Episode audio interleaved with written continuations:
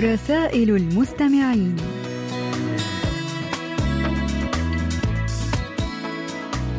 أحبائي المستمعين السلام عليكم. أهلا ومرحبا بكم في هذا اللقاء الأسبوعي المتجدد مع رسائلكم ومساهماتكم القيمة والجميلة.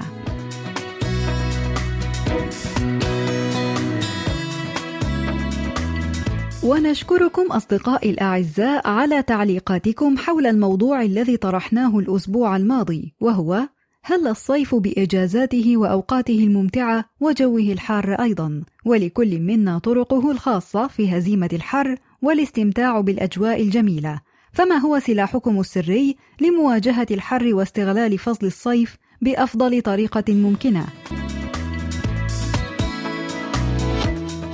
اكتبوا لنا أيها الأصدقاء على صفحة القسم العربي على فيسبوك. وأيضا إذا كان لديكم مقترحات بأفكار ترغبون في مناقشتها عبر البرنامج أرجو منكم إرسالها إلى بريد القسم العربي أو إلى ركن رسائل المستمعين.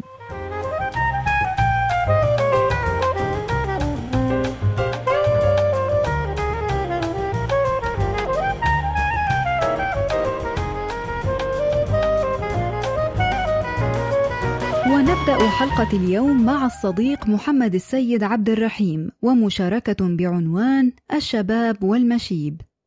ما بكى الشعراء على شيء كما بكت على الشباب الغارب، فقد وصفوه بالعزيز الذي يتسرب من بين أيديهم، وما حزن الشيوخ والكهول على عمر مضى من حياتهم أغلى من زهرة شبابهم التي امتص رحيقها جهاد وتعب السنين والتي ربما جنوا من ورائها المال والجاه والشهرة والذرية ومن دلائل وعلامات تولي الشباب عن أهله وخلعهم لثيابه ظهور الشعر الأبيض أو الشيب. وإذا كان للشباب صهوته وصولته فإن للشيب هيبته وقوته. ومن بدائع الشعر العربي التي تحدثت عن الشيب قول الفرزدق وتقول كيف يميل مثلك للصبا وعليك من عظم المشيب عذار والشيب ينهض في الشباب كأنه ليل يصيح بعارضيه نهار. ومن أجمل ما في التراث العربي التي تناولت حكايات الشيب بين النساء والرجال ما جاء عن رجل جاء خاطبا لامرأة جميلة فقال لها يا هذه إن كان لك زوج فبارك الله لك فيه وإن لم يكن فأعلمينا. فقالت كأنك تخطبني. قال نعم. فقالت إن في عيبا. قال ما هو؟ قالت شيب في رأسي. فشد عنان دابته ليرحل فقالت على رسلك فلا والله ما بلغت عشرين سنة ولا رأيت في رأسي شعرة بيضاء ولكنني أحببت أن أعلمك أنني أكره منك ما تكره مني. شكرا على هذه المساهمة اللطيفة ونرجو أن ترسل إلينا المزيد. ما رأيكم أن نغير الجو قليلا مع فاصل غنائي جديد وأغنية لايلاك للمطربة آيو كما أرسل إلينا الصديق عبد الإله إزو بالرسالة التالية حكم وأقوال مختارة. لا تبحث عن الفرص البعيدة إلا بعد أن تنتهي تماما من استغلال جميع الفرص الموجودة بين يديك. يقول ابن القيم أتظن أن الصالحين بلا ذنوب؟ إنهم فقط استتروا ولم يجاهروا واستغفروا ولم يصروا واعترفوا ولم يبرروا وأحسنوا بعدما أساءوا. غالبا ما تأتي الفرص إلينا متنكرة بثياب العمل الشاق ولذلك فمعظم الناس لا يلمحونها. أجمل الأرزاق ليس رزق المال بل إن أجمل الأرزاق سكينة الروح ونور العقل وصحة الجسد وصفاء القلب وسلامة الفكر ودعوة أم وعطف أب ووجود أخ وضحكة ابن واهتمام صديق ودعوة محب بالله. أفضل الرجال من تواضع عن رفق وزهد عن قدرة وأنصف عن قوة. من غضب منك ولم يفعل فيك شرا اختره صاحبا لك فالغضب يفضح طينة البشر. قال لقمان الحكيم لابنه يا بني ليكن أول شيء تكسبه بعد الإيمان بالله أخا صادقا. فإنما مثله كمثل شجرة إن جلست في ظلها أظلتك وإن أخذت منها أطعمتك وإن لم تنفعك لم تضرك. إذا لم يكن لديك شيئا تعطيه للآخرين فتصدق بالكلمة الطيبة والابتسامة الصادقة وخالق الناس بخلق حسن.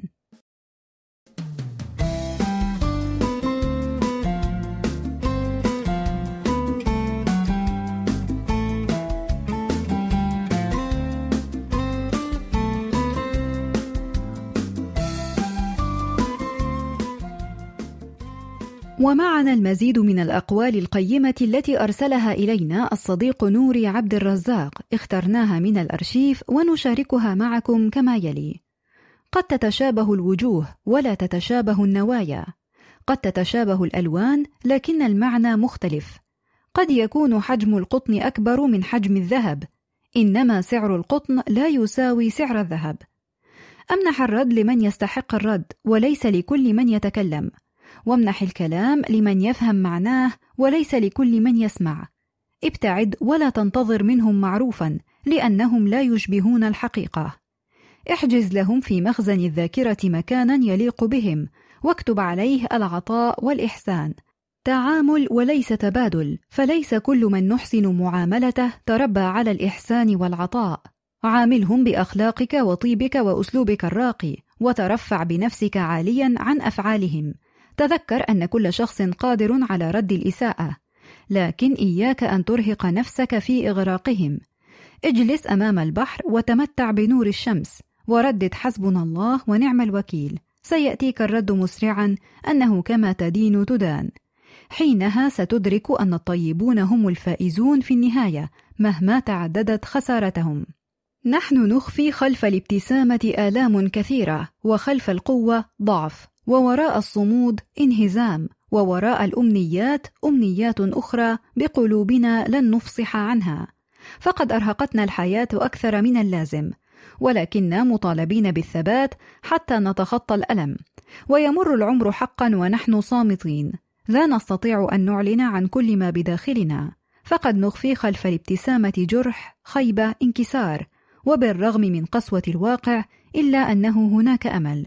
أعان الله قلبا خذلته الحياة وما زال مبتسما.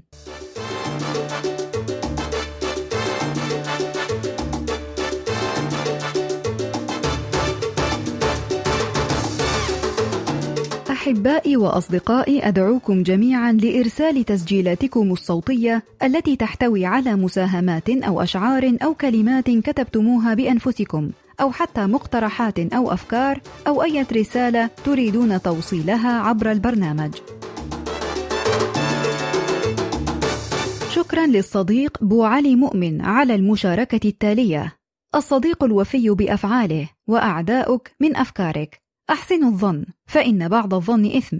المعارف كثر والأصدقاء قلة. كما أرسل إلينا كبسولة سريعة أخرى نقرأها كما يلي: من قواعد الحوار الاحترام أولا وأخيرا، المصداقية وبينهما الصبر والإصغاء والدليل في الكلام، لأن الحوار من غير براهين يصبح مجرد كلام وهدر لوقتك وصحتك، وزيادة على ذلك الحوار بالمحبة وحسن النوايا، وغير ذلك عدمه أفضل. شكرا للصديق علي عمار على الكلمات القيمة إذ يقول الصديق وقت الضيق والطيور على أشكالها تقع. شكرا للصديق محمد السامرائي الذي قال كن بحرا إذا تسلطت عليك الصواعق وكن صخرا إذا ثارت عليك الأمواج. وتكفي شجرة واحدة لصنع مليون عود ثقاب ويكفي عود ثقاب واحد لحرق ملايين الأشجار. ومن الأرشيف اخترنا لكم مساهمة عن الاحترام والصدق نقرأها فيما يلي: احترام الآخرين، هؤلاء يحترمون شخصية الإنسان، لذلك دائما ما يكونون لطفاء وعلى استعداد لتقبل الآخر، ويتسامحون مع مسبب الضجيج ومع وجود الغرباء في منازلهم. إن المتعلم يحترم الآخرين، ويكون متسامحا معهم ولا يضع أوزاره على الآخرين ويتحمل مسؤولياته. وتعتبر شخصيته مرنة بما يكفي لقبول الطرف الآخر وطرق تفكيره وتصرفه وإن اختلفت أفكاره. أما الصدق فالمثقفون صادقون ويخشون الكذب كخشيتهم النار ولا يستطيعون الكذب حتى في الأمور البسيطة. إذ يعتبر الكذب إهانة للمستمع ويضعهم في موقف محرج في أعين المتحدث، ولا يتباهى المثقفون أمام رفاقهم الأكثر تواضعًا، ولا يميلون للثرثرة، ولا يفرضون ثقتهم على الآخرين. والمثقف حقًا لا يتباهى بمعرفته باستمرار، ناهيك عن أنه ذكي بما يكفي ليدرك ما لا يعرفه ولا يلجأ إلى الكذب في محاولة لإبراز ذكائه أما الآن فنهدي جميع مستمعين في كل مكان في العالم أغنية On the Ground للمطربة رودي الصديقة مها محمد أرسلت إلينا المساهمة الطريفة التالية وهي مجموعة من الطرائف اللطيفة. جاء رجل إلى الشعبي وكان ذو دعابة وقال إني تزوجت امرأة ووجدتها عرجاء فهل لي أن أردها؟ فقال إن كنت تريد أن تسابق بها فردها. وسأله رجل إذا أردت أن أستحم في النهر فهل أجعل وجهي تجاه القبلة أم عكسها؟ قال بل باتجاه ثيابك حتى لا تسرق وسأله حاج هل لي أن أحك جلدي وأنا محرم؟ قال الشعبي لا حرج فقال إلى متى أستطيع حك جلدي؟ فقال حتى يبدو العظم كان الحجاج بن يوسف الثقفي يستحم بالخليج العربي فأشرف على الغرق فأنقذه أحد المسلمين. وعندما حمله إلى البر قال له الحجاج اطلب ما تشاء فطلبك مجاب. فقال الرجل ومن أنت حتى تجيب لي أي طلب؟ قال أنا الحجاج الثقفي. قال طلبي الوحيد أنني سألتك بالله ألا تخبر أحدا أنني أنقذتك. كان رجل في دار بأجرة وكان خشب السقف قديما باليا فكان يتفرقع كثيرا فلما جاء صاحب الدار يطالبه الأجرة قال له أصلح هذا السقف فإنه يقرقع. قال لا تخف ولا بأس عليك فإنه يسبح لله. فقال أخشى أن تدركه الخشية فيسجد دخل أحد النحويين السوق ليشتري حمارا فقال للبائع أريد حمارا لا بالصغير المحتقر ولا بالكبير المشتهر. إن أقللت علفه صبر وإن أكثرت علفه شكر. لا يدخل تحت البواري ولا يزاحم بي السواري. إذا خلا في الطريق تدفق وإذا أكثر الزحام ترفق. فقال له البائع دعني إذا مسخ الله القاضي حمارا بعته لك. نشكرك على هذه الطرائف اللطيفة. أرسل إلينا الصديق نوري عبد الرزاق المساهمة التالية. عندما تحب كن راقيا وعندما تحب كن صادقا. فالحب ليس مجرد كلمة نكتبها بل هو معاني نعيشها وتعيش بكل إحساس فينا. انتقي لقلبك من يستحق الحب فإن أصبت فستكون سعيدا وإن أخطأت فلا تندم لأنك كنت راقيا في حبك دوما. من منا لا يشتاق إلى أمواج البحر في هذا الحر القائض؟ ولذلك أعددنا لكم أغنية بادو أو أمواج للمطرب بول كيم.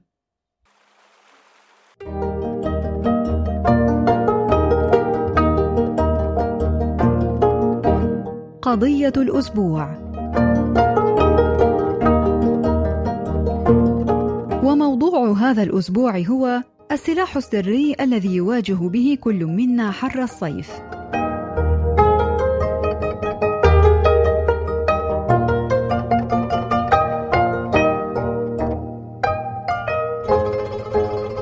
الصديقة سالي أيمن تقول: بالنسبة إلي أفضل طريقة للاستمتاع بفصل الصيف هو الذهاب إلى الأماكن التي يتجلى فيها جمال الصيف، فأذهب إلى الشواطئ والمدن الساحلية وكذلك الحدائق التي يتخللها الأنهار والبحيرات، فلكل فصل من فصول السنة جماله الخاص.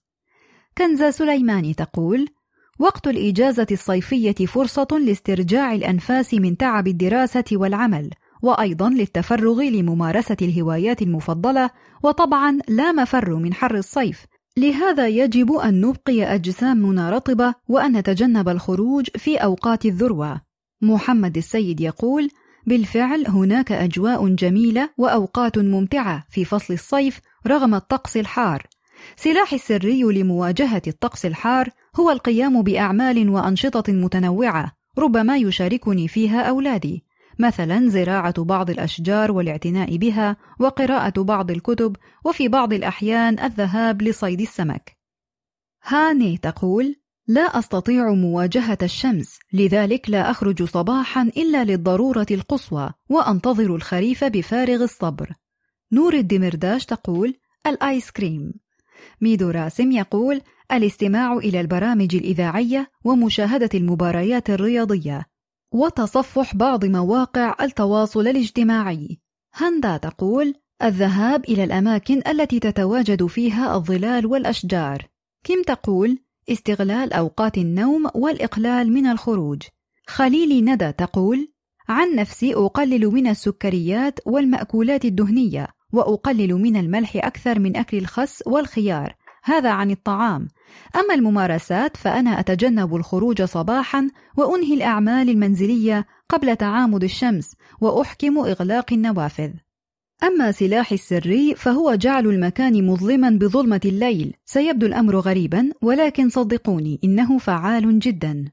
علي بن شهرة يقول الصيف فصل حار ونحن في جائحة كورونا خاصة أنني مسن لأقاوم الحرارة أستريح في البيت مع زوجتي وأحفادي. أخصص وقتا لمشاهدة التلفزيون ووقتا لمتابعة برامج الراديو هوايتي المفضلة.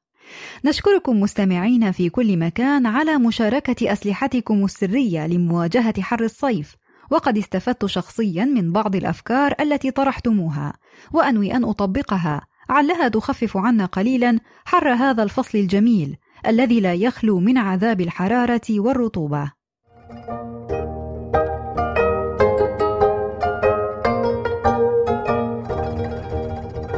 نشكركم أيها الأصدقاء الأعزاء على كل مشاركاتكم القيمة، وننتظر منكم المزيد من المشاركات المفيدة والجميلة، وسوف نواصل معكم بعد قليل. ونختم حلقة اليوم بقصة وحكمة وهي مساهمة من الصديق علي عبد الشكور نقرأها كما يلي: الملك والحذاء يحكى أن ملكا كان يحكم دولة واسعة جدا أراد هذا الملك يوما القيام برحلة برية طويلة وخلال عودته وجد أن أقدامه تورمت بسبب المشي في الطرق الوعرة فأصدر مرسوما يقضي بتغطية كل شوارع مدينته بالجلد ولكن أحد مستشاريه أشار عليه برأي أفضل وهو عمل قطعة جلد صغيرة تحت قدمي الملك فقط فكانت هذه بداية نعل الأحذية. والحكمة من هذه القصة هي أنك إذا أردت أن تعيش سعيدا في العالم فلا تحاول تغيير كل العالم بل اعمل التغيير في نفسك ومن ثم حاول تغيير العالم بأسره.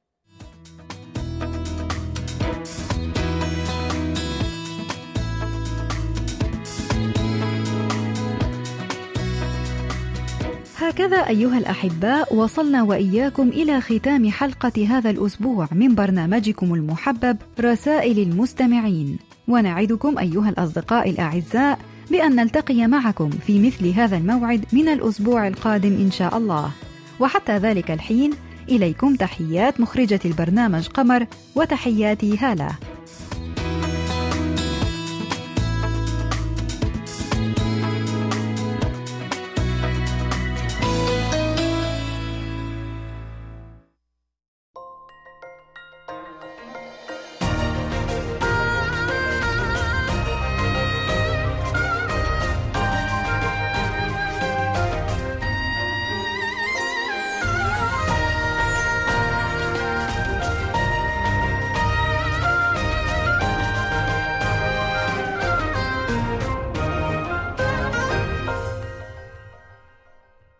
KBS World Radio.